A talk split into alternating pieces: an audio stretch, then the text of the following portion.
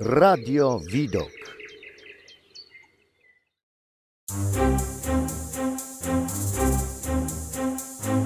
Audycja muzyczna. Cześć, z tej strony Maja Semeniuk. Chciałabym zaprosić Was do swojej dzisiejszej audycji, w której przybliżę Wam temat oddziaływania muzyki na nasze emocje, samopoczucie i zdrowie oraz wraz z moim gościem opowiemy Wam o muzykoterapii, studiowaniu jej, badaniu i stosowaniu. Zacznę więc od podstawy. Muzyka oddziałuje na nasze emocje i samopoczucie. Myślę, że tego wpływu doświadczył każdy z nas. Żeby to zobrazować, możecie pomyśleć o różnych sytuacjach. Na przykład, gdy podczas imprezy włącza się ta jedna piosenka, którą wszyscy w towarzystwie znają, lubią i zaczynają śpiewać, a wam od razu polepsza się humor i zwiększa energia. Albo inna sytuacja, gdy jest ci przykro i aby w pewien sposób dopełnić jeszcze ten stan, kładziesz się pod kołdrę, słuchając smutnych, nostalgicznych piosenek, bądź gdy oglądając horror, słyszysz mroczną muzykę, co sprawia, że zaczynasz się bać jeszcze bardziej. Dźwięki, które nas otaczają, mogą w bardzo dużym stopniu potęgować nasze emocje, a nawet zmieniać je o 180 stopni. Dzieje się tak między innymi dlatego, że muzyka oddziałuje na wiele struktur w naszym mózgu, na przykład na korę słuchową, która jako pierwsza odbiera docierane do nas dźwięki, albo hipokamp, odpowiadający za pamięć muzyki. Niektórzy wręcz twierdzą, że aktywuje cały mózg, więc gdy słuchamy muzyki w naszych głowach, wydzielane są różne związki chemiczne, takie jak endorfiny, które odpowiadają za nasze dobre samopoczucie, ale też tłumią odczuwanie bólu czy drętwienia, albo dopaminy. Naukowcy zaobserwowali, że nawet oczekiwanie na naszą ulubioną piosenkę powoduje wydzielanie się jej. Badaniem tego wpływu zajmuje się wspomniana wcześniej muzykoterapia. Jest to dziedzina, której za zadaniem jest, posługując się różnymi rodzajami muzyki lub jej elementami, przysłużyć się w przywracaniu zdrowia lub poprawie funkcjonowania życia. Muzykoterapia w swoim stosowaniu dzieje się na trzy techniki: na muzykoterapię aktywną, muzykoterapię receptywną oraz muzykoterapię dogłębną komórkową. Muzykoterapia aktywna polega na doświadczeniach angażujących naszą fizyczność. To jest działanie poprzez śpiew, grę na instrumencie czy na przykład tańczenie. Czy jak sama nazwa wskazuje, podczas tego doświadczenia jesteśmy aktywni. Muzykoterapia receptywna natomiast polega na słuchaniu muzyki, relaksowaniu się nią, wizualizacji. Ale także muzykoterapia receptywna to też przekazywanie innym tych odczuć, które narodziły się podczas słuchania. To rozmowa psychoterapeutyczna o tych emocjach. Muzykoterapia dogłębna komórkowa to zabiegi rezonansowe, które za pomocą fal dźwiękowych wpływają bezpośrednio na komórki i tkanki. W tym miejscu chciałabym Wam powiedzieć trochę o początkach muzykoterapii. Współczesna nauka dopiero od lat 20. XX wieku zaczęła zajmować się wpływem muzyki na człowieka. Pierwsze pojęcie muzykoterapii pojawiło się w latach 50. w Stanach Zjednoczonych. Natomiast w Polsce muzykoterapia status dziedziny akademickiej otrzymała początkiem lat 70. XX wieku, a certyfikację muzykoterapeutów rozpoczęto dopiero w 2012 roku, czyli w zasadzie 10 lat temu. Nie jest to długi czas, co? Ale to nie oznacza, że muzykoterapia nie była używana nigdy wcześniej. Tradycje stosowania muzyki w terapii znane były już za czasów plemiennych. Podczas modłów, rytuałów leczniczych często słychać było głos szamana, który te obrzędy otaczał śpiewem. Słychać było grę na instrumentach. Ale jak teraz wygląda studiowanie muzykoterapii w Polsce? Jak bada się w zasadzie ten wpływ muzyki na zdrowie?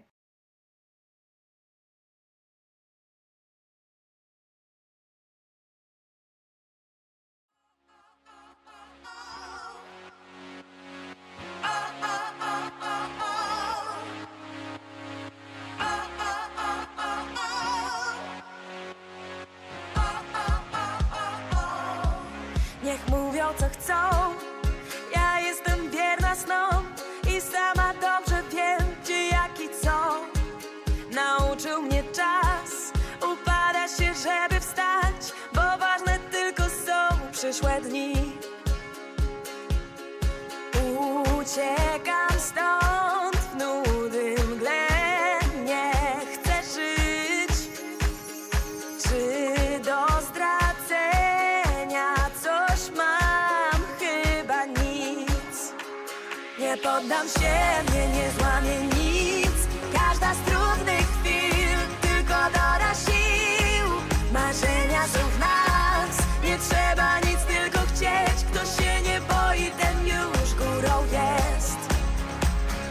poddam się, mnie nie złamie nic. Chcę przed siebie biec. Właśnie tak ma być. Marzenia są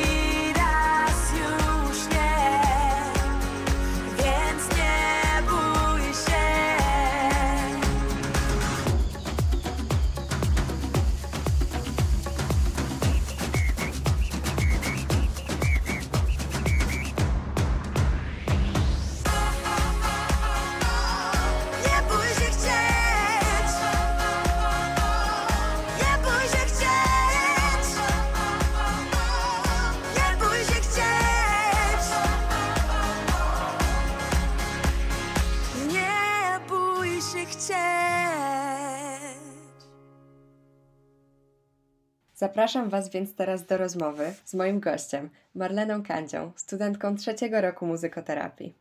Dzień dobry, Marlena. Dzień dobry. Więc moim pierwszym pytaniem do Ciebie. Zauważyłam, że w wielu tekstach publicystycznych czy naukowych mowa jest o wpływie muzyki na układ nerwowy, krążenia oraz na układ oddechowy człowieka. W dużej mierze mowa jest o przystosowaniu się bicia naszego serca czy oddechu do rytmu muzyki.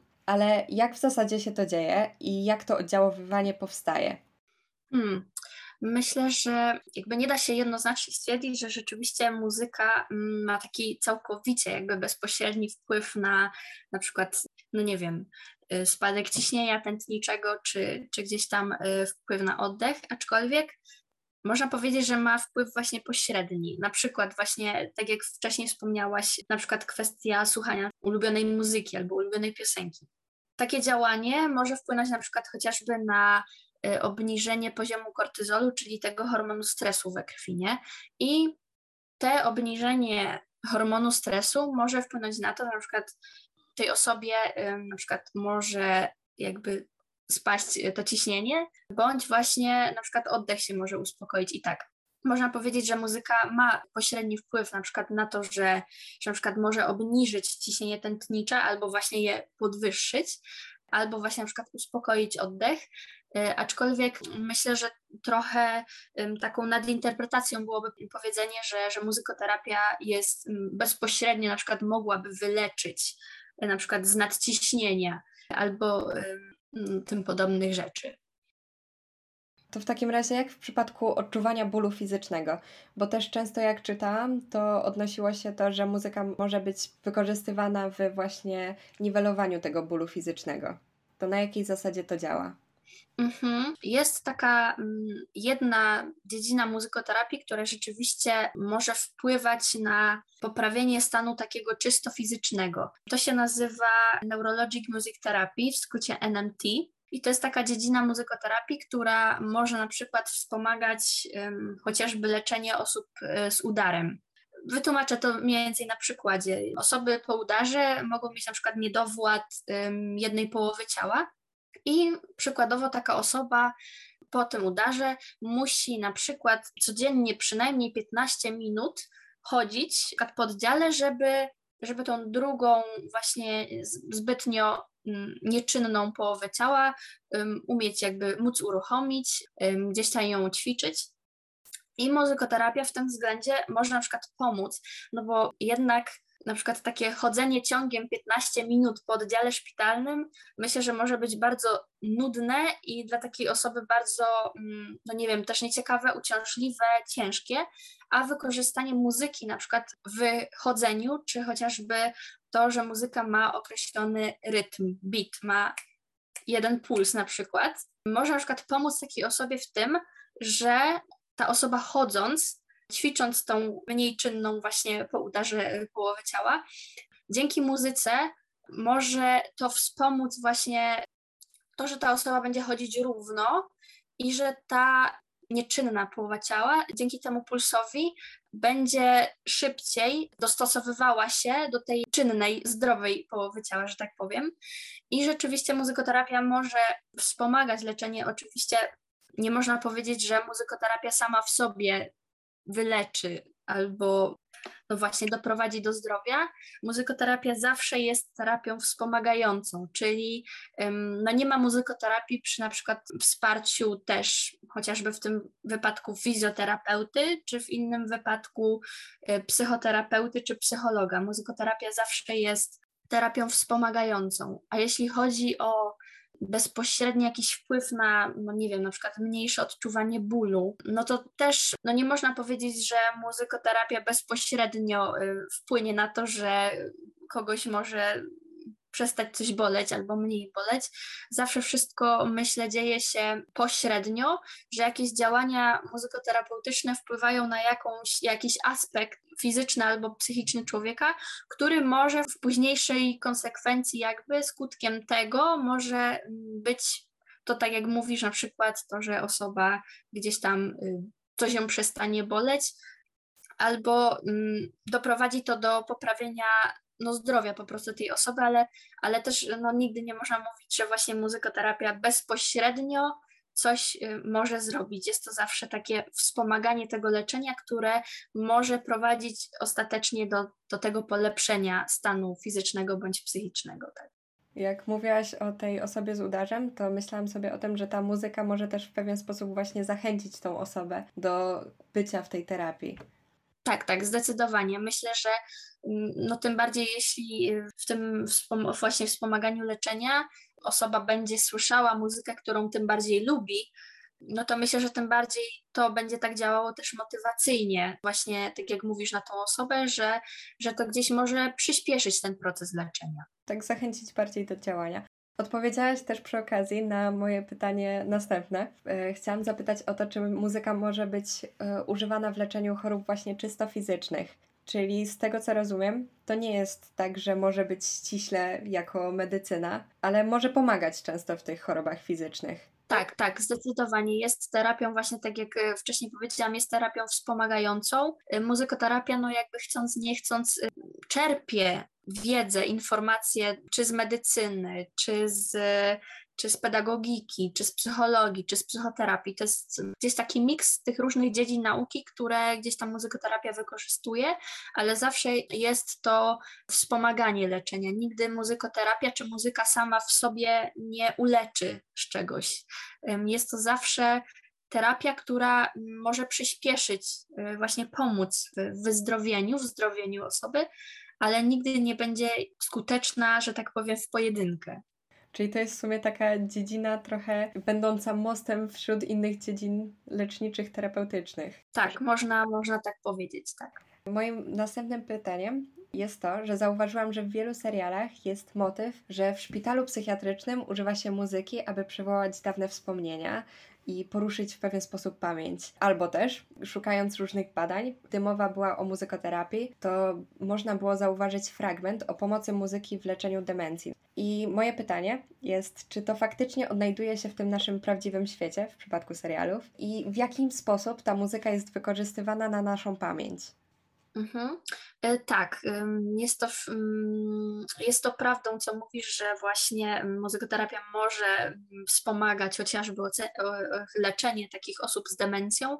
Demencja to jest akurat no, typowo, że tak powiem, choroba typowa dla osób już starszych, aczkolwiek no, nie można dodać, e, że nie można właśnie nie zapomnieć, że wymaganie czy ćwiczenie pamięci też dotyczy osób na przykład w młodszym wieku, chociażby dzieci czy młodzieży, na przykład takich dzieci, które właśnie mają problem z zapamiętywaniem, które mają jakieś większe problemy z pamięcią. I muzykoterapia rzeczywiście, działania muzykoterapeutyczne mogą wspomagać. I oczywiście Tutaj wszystko wiąże się z tym, że trzeba dobrać odpowiednie ćwiczenia, aktywności, które mogą ćwiczyć tę pamięć, chociażby. Ja miałam rok temu praktyki w takim gabinecie muzykoterapeutycznym i tam z panią, która właśnie była opiekunem moich praktyk, robiłyśmy takie ćwiczenia pamięciowe dla dziewczynki sześcioletniej. To były na przykład takie bardzo proste ćwiczenia, chociażby, że dziewczynka musiała się obrócić do nas tyłem. My jej grałyśmy na trzech instrumentach, przykładowo trójkącie, marakasie i na przykład bębenku i zagrałyśmy na tych trzech instrumentach i ona musiała zgadywać, który instrument był po kolei. Potem zmieniałyśmy kolejność, albo odejmowałyśmy jeden instrument, albo na przykład jeszcze jeden dodawałyśmy. No i tak na przykład ta dziewczynka swoją pamięć ćwiczyła. No i to wszystko zależy od jakby podejścia, od tego, czego ta dana osoba potrzebuje, nie? Że, że wystarczy dobrać dobrą aktywność, dobre ćwiczenie, i rzeczywiście te ćwiczenia muzykoterapeutyczne mogą tę pamięć naprawdę skutecznie wspomagać. Też w przypadku dzieci często jest mowa o koncentracji, że muzyka pomaga w tej koncentracji. Tak, jeśli chodzi o to, to zdecydowanie też y, muzyka może ćwiczyć koncentrację u dzieci, szczególnie u tych małych, gdzie ta koncentracja jest no, naprawdę bardzo krótka, czasami dosłownie kilkusekundowa i, i dosłownie tutaj potrzeba paru sekund po prostu, żeby, żeby dziecko zmieniło swój, że tak powiem, obiekt zainteresowania.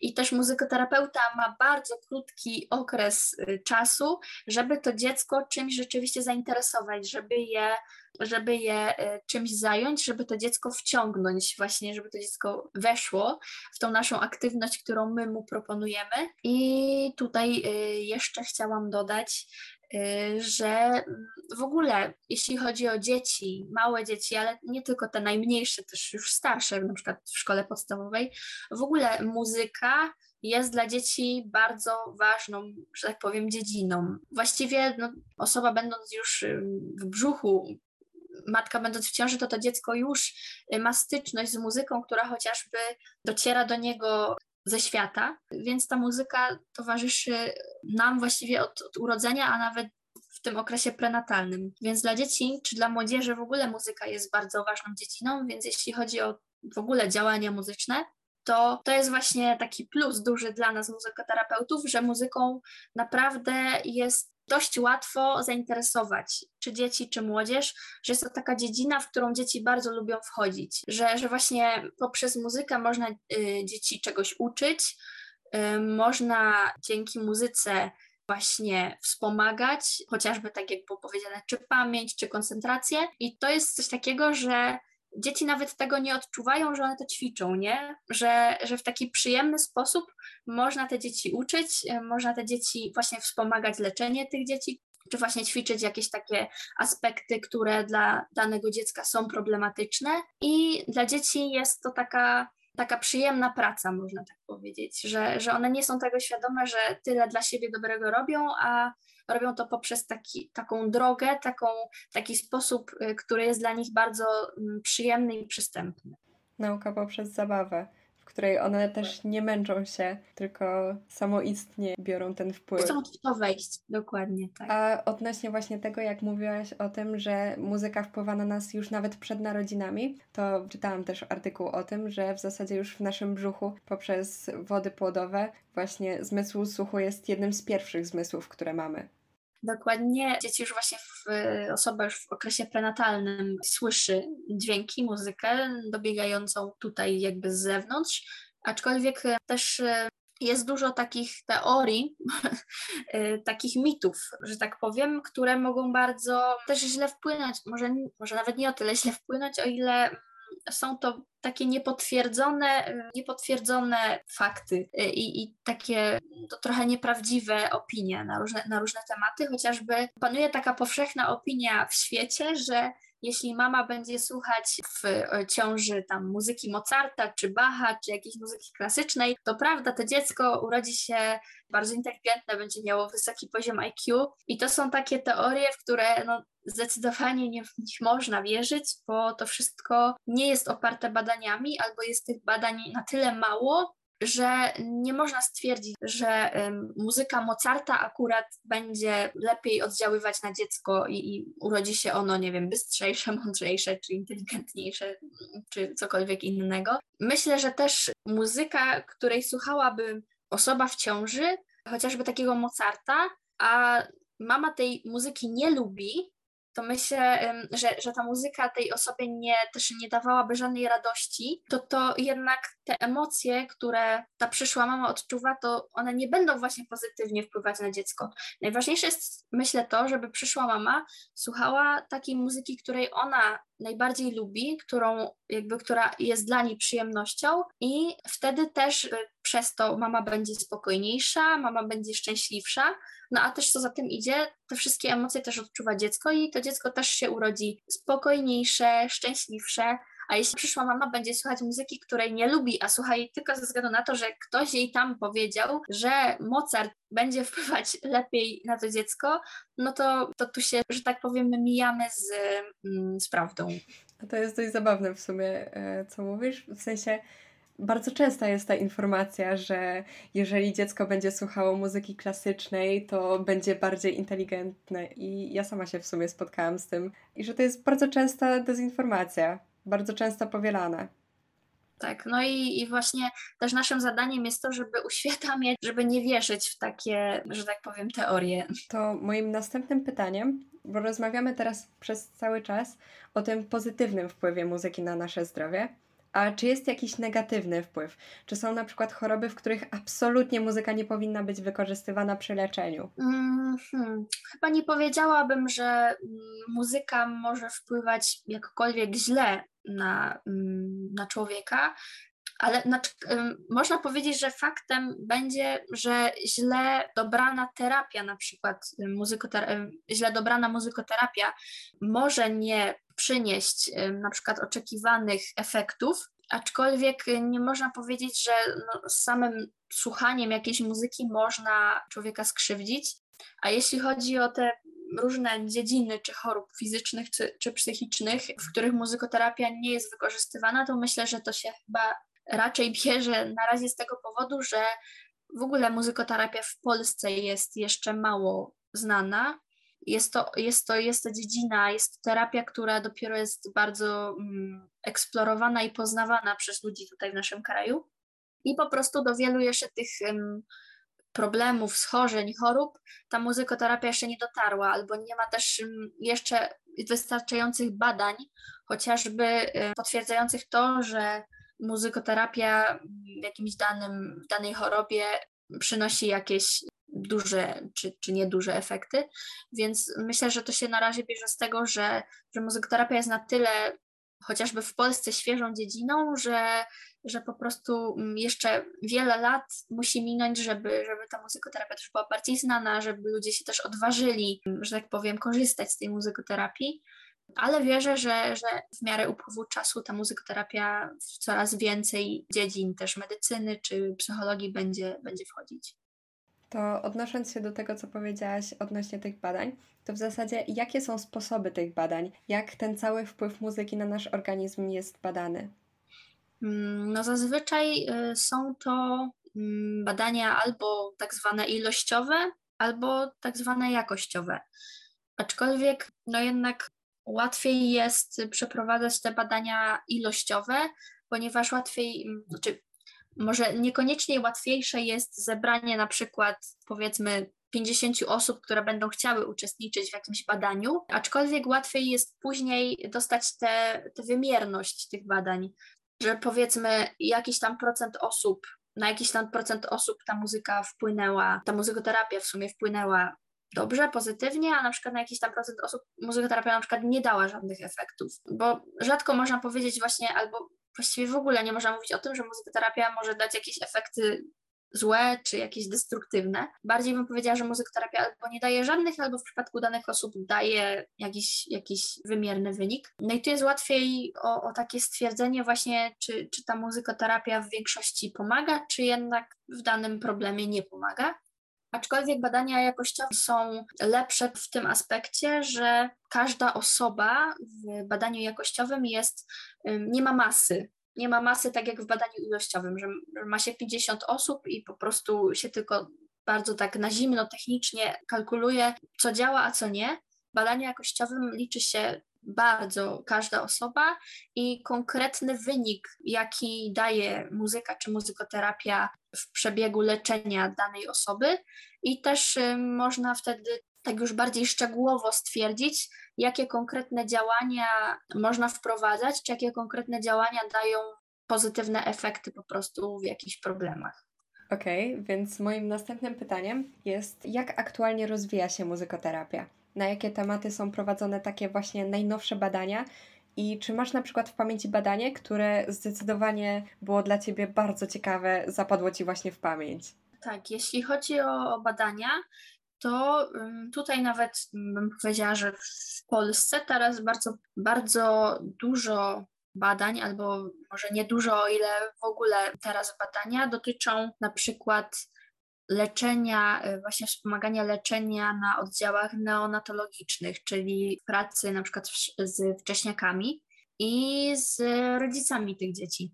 I tutaj właśnie można powiedzieć, jedną z takich e, naczelnych teraz osób, które tutaj w Polsce te badania prowadzą, jest właśnie pani Sara Knapik-Szweda. Ona uczy w ogóle też właśnie na Akademii Muzycznej w Katowicach. Jest też naszym wykładowcą, a jednocześnie też pracuje w szpitalu w Rudzie Śląskiej, właśnie na tym oddziale neonatologicznym. I ona tam pracuje właśnie z wcześniakami i z, z rodzicami tych wcześniaków. Zazwyczaj najczęściej to są mamy, ponieważ mamy z tymi dziećmi na tych oddziałach przebywają zazwyczaj. I rzeczywiście pani Sara teraz aktualnie prowadzi takie badania różne na iluś tam właśnie y, tych dzieciach. Już nie pamiętam teraz dokładnie na ilu, ale wiem, że tych dzieci jest y, troszkę sporo. Y, właśnie pod kątem tego, na jakie kwestie, na właśnie czy na jakie problemy u tych dzieci może wpływać muzykoterapia. I jedno z takich badań, które mnie na początku bardzo zaskoczyło, to to, że na przykład muzykoterapia może wspomagać u takich dzieci saturację, czyli tak zwany właśnie oddech, czyli to, że działania muzykoterapeutyczne mogą wpływać na to, mogą wpłynąć na to, że oddech u tych dzieci może być uspokojony, może być ten oddech taki równomierny, równy. Jest y, taki instrument, on się nazywa Ocean Drum. Jest to taki wielki bęben, który w środku ma takie kuleczki i się nim tak jakby buja. I te kuleczki jak taki właśnie ocean, wodospad właśnie się tak jakby z jednej strony na drugą przesuwają i ten instrument właśnie często jest używany w pracy z takimi wcześniakami. I właśnie różne działania muzykoterapeutyczne mogą wpłynąć na to, że może ten oddech być właśnie uspokojony, równomierny, że właśnie dzieci będą też same w sobie y, spokojniejsze też. I mm, z tego co wiem, to właśnie tutaj muzykoterapia w Polsce teraz y, właśnie dość prężnie działa, jeśli chodzi o temat właśnie y, neonatologii i właśnie pracy z takimi dziećmi. Ten oddech dostosowuje się jakby do tych dźwięków, jak rozumiem, tak? Tak, że, że, że gdzieś tam jest jakiś tam powiedzmy konkretny rytm, puls i to jednocześnie tak uspokaja dziecko wewnętrznie i wpływa na to, że, że ten oddech jest taki równomierny, uspokojony. To nawet brzmi dla mnie tak przyjemnie, uspokajająco. A w jaki sposób w zasadzie wygląda ta sesja terapii? I jaka jest najczęstsza grupa wiekowa klientów, o której też trochę mówimy teraz? To są głównie starsze osoby, właśnie na przykład z demencją, czy jednak w głównej mierze to są małe dzieci, czy na przykład też są pacjenci, którzy są w tym wieku średnim? Jeśli chodzi o ten przedział wiekowy, to tak naprawdę dla muzykoterapii nie ma takiego wieku, w którym muzykoterapia może być lepsza lub gorsza. Aczkolwiek no, trzeba powiedzieć, że w Polsce muzykoterapia najczęściej jest stosowana w przypadku dzieci. W przypadku dzieci najczęściej tych dzieci właśnie niepełnosprawnych, z niepełnosprawnościami y, różnego rodzaju, chociażby z dziećmi z autyzmem, czy dziećmi z zespołem Downa, czy z dziećmi takimi też, które mają właśnie takie problemy, chociażby takie, o których mówiłyśmy na początku, czyli na przykład jakieś problemy z pamięcią, problemy z koncentracją. Bo ten, na to wszystko muzykoterapia rzeczywiście bardzo dobrze wpływa. I w Polsce jeszcze ta muzykoterapia jest też znana, jeśli chodzi o pracę z osobami starszymi, czyli z seniorami, właśnie w takich miejscach jak DPS-y czy, czy hospicja. Rzeczywiście muzyka to jest taki obszar dla seniorów bardzo, bym powiedziała, sentymentalny, gdzie, gdzie, gdzie tym osobom starszym też często wspominają się jakieś czasy młodości, gdzie wtedy ci te osoby gdzieś pod wpływem tej muzykoterapii się otwierają, opowiadają o tym, jak to było kiedyś, co oni robili, a czego nie robili właśnie.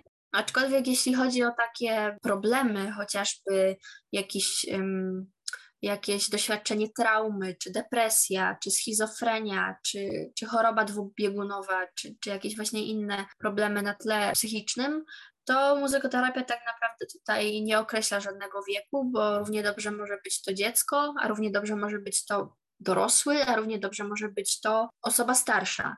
I tutaj akurat muzykoterapia nie zna wieku, który jest odpowiedni dla, dla, dla bycia w tej terapii, mm, ale no, trzeba powiedzieć, że w Polsce no, najczęściej jest ona wykorzystywana na razie w pracy właśnie z dziećmi i z tymi osobami starszymi. Super w takim razie jest to, że ta muzykoterapia jest też dostępna w takim razie dla każdego, nieważne właśnie od wieku i od różnych chorób, zaburzeń, tylko może pomóc w każdym przypadku. Tak, dokładnie i też można zaznaczyć, że wcale nie trzeba mieć żadnych umiejętności muzycznych, nie trzeba umieć ani śpiewać, ani na niczym grać. E, ani dobrze słyszeć, ani nie trzeba mieć żadnego słuchu muzycznego, żeby w tej muzykoterapii uczestniczyć, bo często właśnie takim argumentem, który się pojawia u osób, którym jest proponowana muzykoterapia, że no ale oni nie umieją śpiewać, ale oni nie umieją tam na niczym grać, oni w ogóle no, nie słyszą, nie mają takiego słuchu muzycznego, oni to się w ogóle do tego nie nadają, a to wcale nie wyklucza pozytywnego wpływu muzykoterapii na takie osoby. Wręcz bym powiedziała właśnie przeciwnie, że ta muzykoterapia, mimo braku umiejętności, wcale nie obniża poziomu skuteczności takiej terapii. Też dla takich osób to też może trochę pomóc w takim otwarciu się i przełamaniu swoich barier.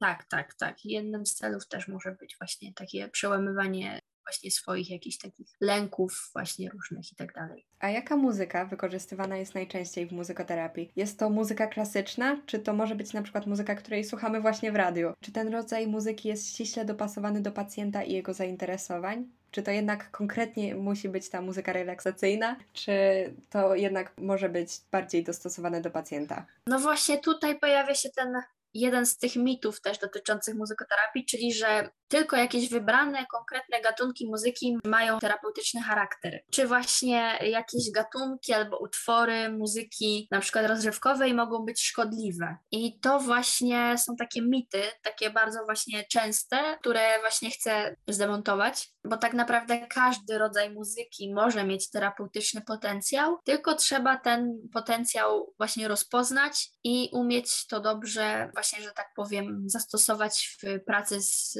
konkretną osobą. Bo tak jak mówisz, co osoba to jest inna historia, inny przypadek, inny sposób terapii. Więc no tutaj po prostu wszystko rozgrywa się o kwestię tego, jaki, jaki jest nasz cel, właśnie do czego dążymy, co chcemy osiągnąć w pracy z daną osobą. I od tego wszystko tak naprawdę się będzie brało. A tak samo jest właśnie z tym mitem, że coś może być szkodliwe albo, albo źle wpływać, że nie ma takiego gatunku muzyki, czy takiej muzyki, która może być szkodliwa, ale owszem, preferencje muzyczne mają taki wymiar diagnostyczny, czyli muzyka, czy to, czego ktoś słucha, może nam trochę powiedzieć, o tym człowieku. Chociażby tutaj też posłużę się trochę przykładem. Mamy, prawda, młodzież y, w okresie dojrzewania i mamy przykładowo jakiegoś nastolatka, nie wiem, powiedzmy 15-14 lat, który słucha w kółko jakiejś tylko muzyki, w której tekstach jest tylko mowa, nie wiem, o piciu alkoholu, o braniu narkotyków itd., tak itd. Tak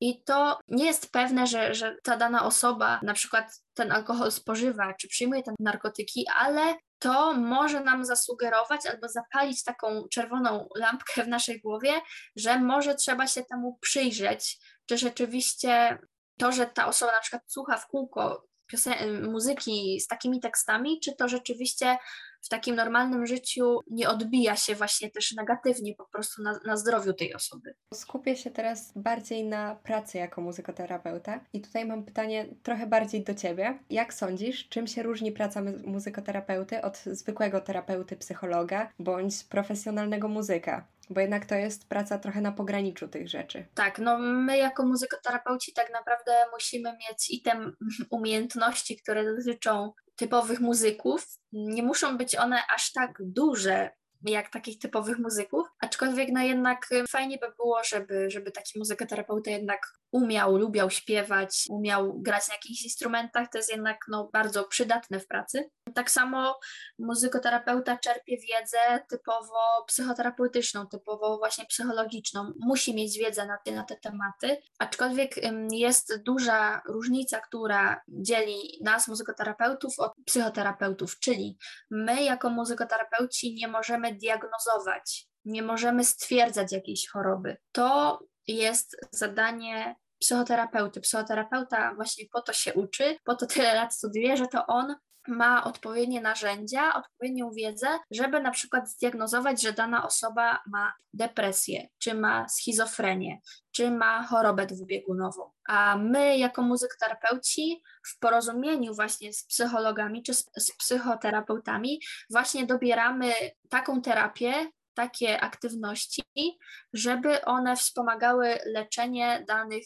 problemów, danych schorzeń, aczkolwiek my jako muzykoterapeuci nigdy nie diagnozujemy konkretnego problemu. My mamy taki bagaż wiedzy, że na przykład wiemy, czym się charakteryzuje depresja, czy czym się charakteryzuje autyzm, czy czym się charakteryzuje schizofrenia, aczkolwiek my, my tego nie diagnozujemy, my tego nie stwierdzamy, że ta osoba ma akurat tą depresję czy tą schizofrenię. My możemy na przykład zasugerować terapeucie, że my widzimy u tej osoby jakieś oznaki tej i tej choroby, ale to jest ostatecznie zadanie psychoterapeuty czy psychologa, żeby tą konkretną chorobę czy problem zdiagnozować.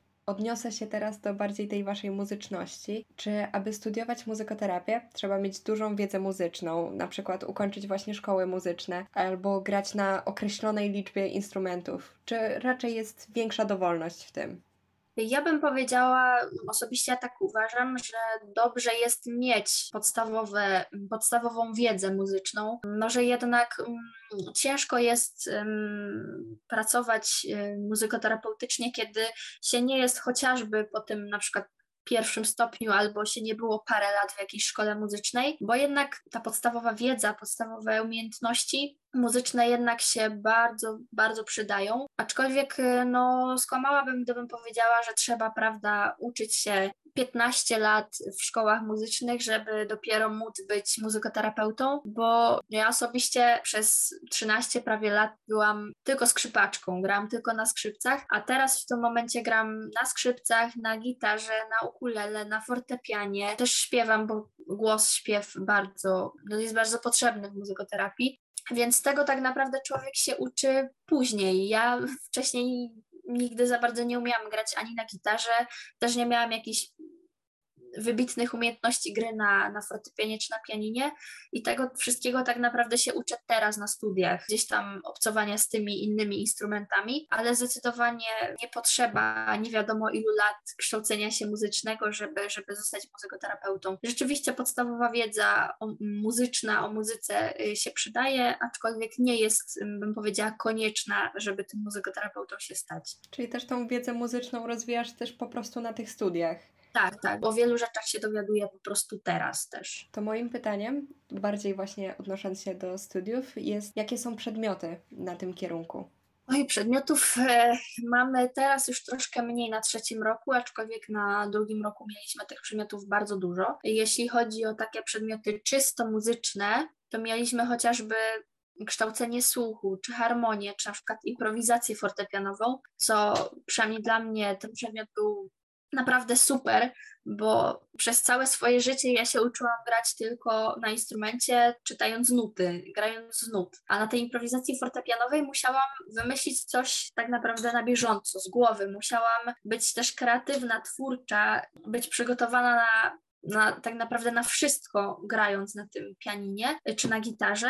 I to mnie osobiście też jako człowieka uczy takiej elastyczności. Uczę się takiego bycia przygotowaną na tak naprawdę na wszystko, na, na każdą rzecz po prostu, która gdzieś tam nagle wyjdzie na przykład w terapii. No ale myślę, że to się też przekłada nawet na, na życie, takie bycie właśnie, bycie właśnie takim elastycznym i takim taką, bycie taką osobą, która jest przygotowana na, na wszystko. Nawet jak się coś nagle zmieni, to potrafimy się dostosować do danej sytuacji. Jeśli chodzi o przedmioty znowuż bardziej psychoterapeutyczne, psychologiczne, to Mieliśmy y, chociażby właśnie podstawy y, psychoterapii, też mieliśmy psychopatologię, bo my jako muzykoterapeuci jednak musimy mieć podstawową wiedzę na te tematy. Też w pierwszej klasie mieliśmy, na pierwszym roku mieliśmy też podstawy psychologii, takiej ogólnej, więc też wiedzę na ten temat mamy. Na pierwszym roku też mieliśmy chociażby anatomię, czyli no, taką typową wiedzę o, o człowieku I, i właśnie tak jak mówiłam, że ta wiedza medyczna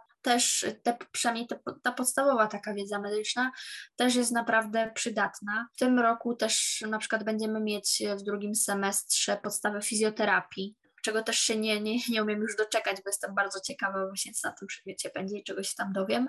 Aczkolwiek tak, tak jak było też wcześniej powiedziane, że właśnie muzykoterapia to jest taka, taki miks różnych dziedzin, to właśnie też to się odbija na, tych, na tym, czego się uczymy na studiach, czyli jest to taki miks właśnie przedmiotów muzycznych, przedmiotów medycznych, przedmiotów y, psychologicznych czy psychoterapeutycznych i to właśnie to wszystko się składa, że tak powiem, w całość i tworzy tą muzykoterapię. A tą anatomią przyznam, że mnie bardzo zaskoczyłaś. Nie spodziewałam się, że taki przedmiot byście mieli na studiach.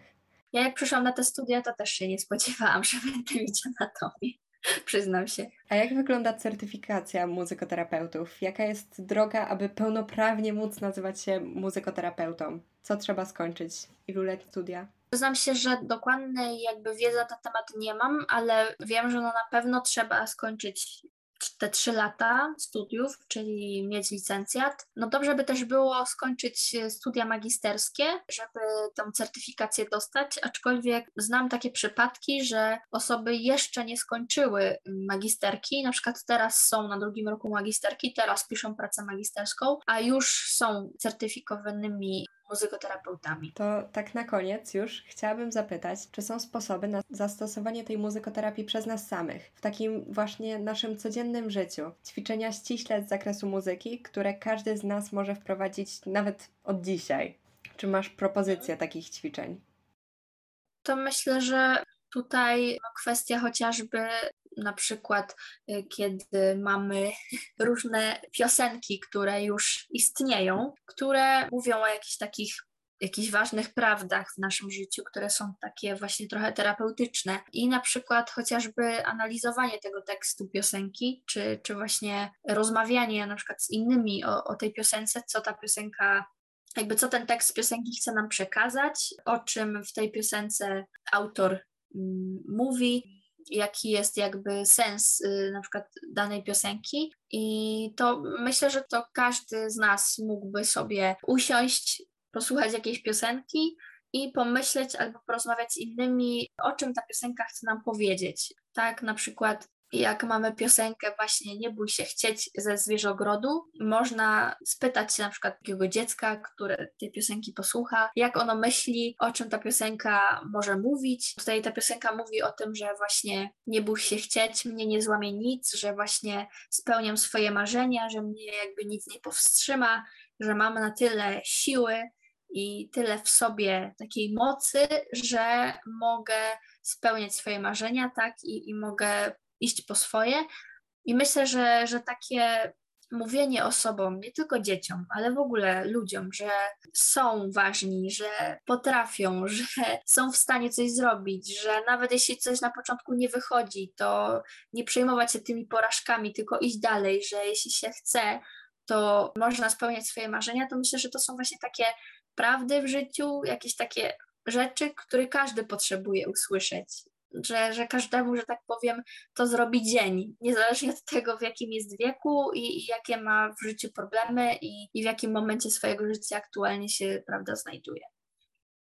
To na zakończenie mam właśnie pytanie, czy chciałabyś dać naszym słuchaczom jakąś piosenkę, propozycję piosenki, którą puszczę?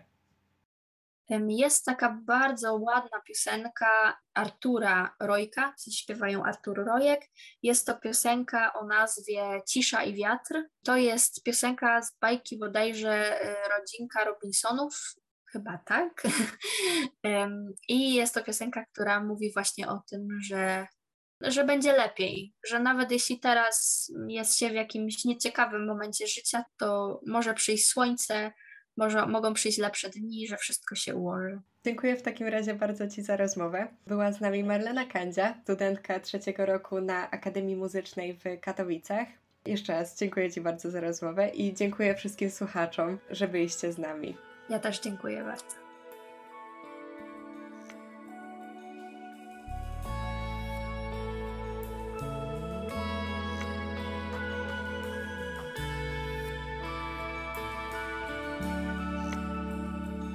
Oddech weź, już najgorsze jest za tobą w końcu gdzieś.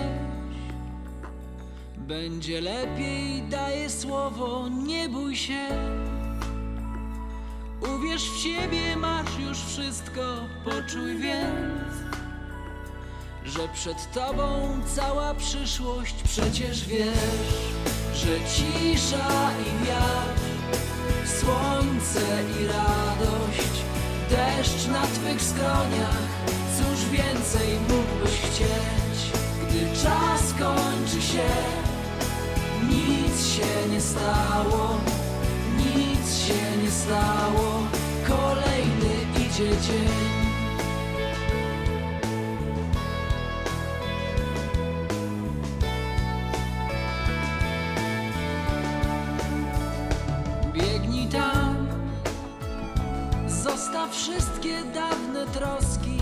Życie trwa.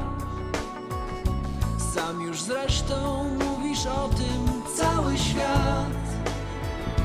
Już nie musisz o nic prosić, to twój czas. Najważniejsza jest ta miłość, którą masz. Cisza i wiatr słońce i radość, deszcz na twych skroniach. Cóż więcej mógłbyś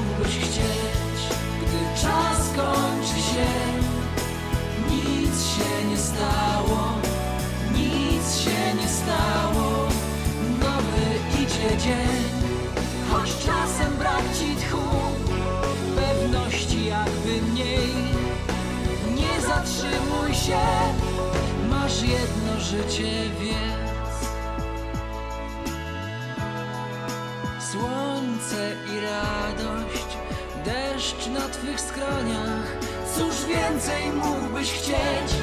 Cóż więcej mógłbyś chcieć?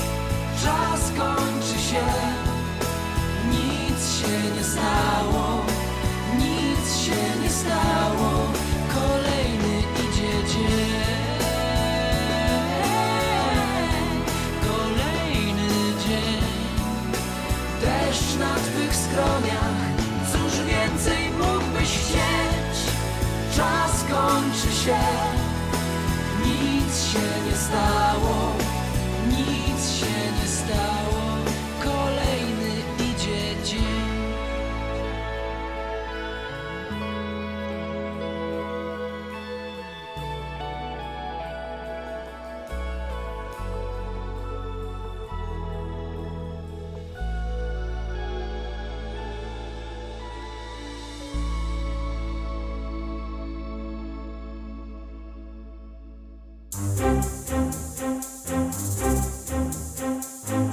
Audycja muzyczna.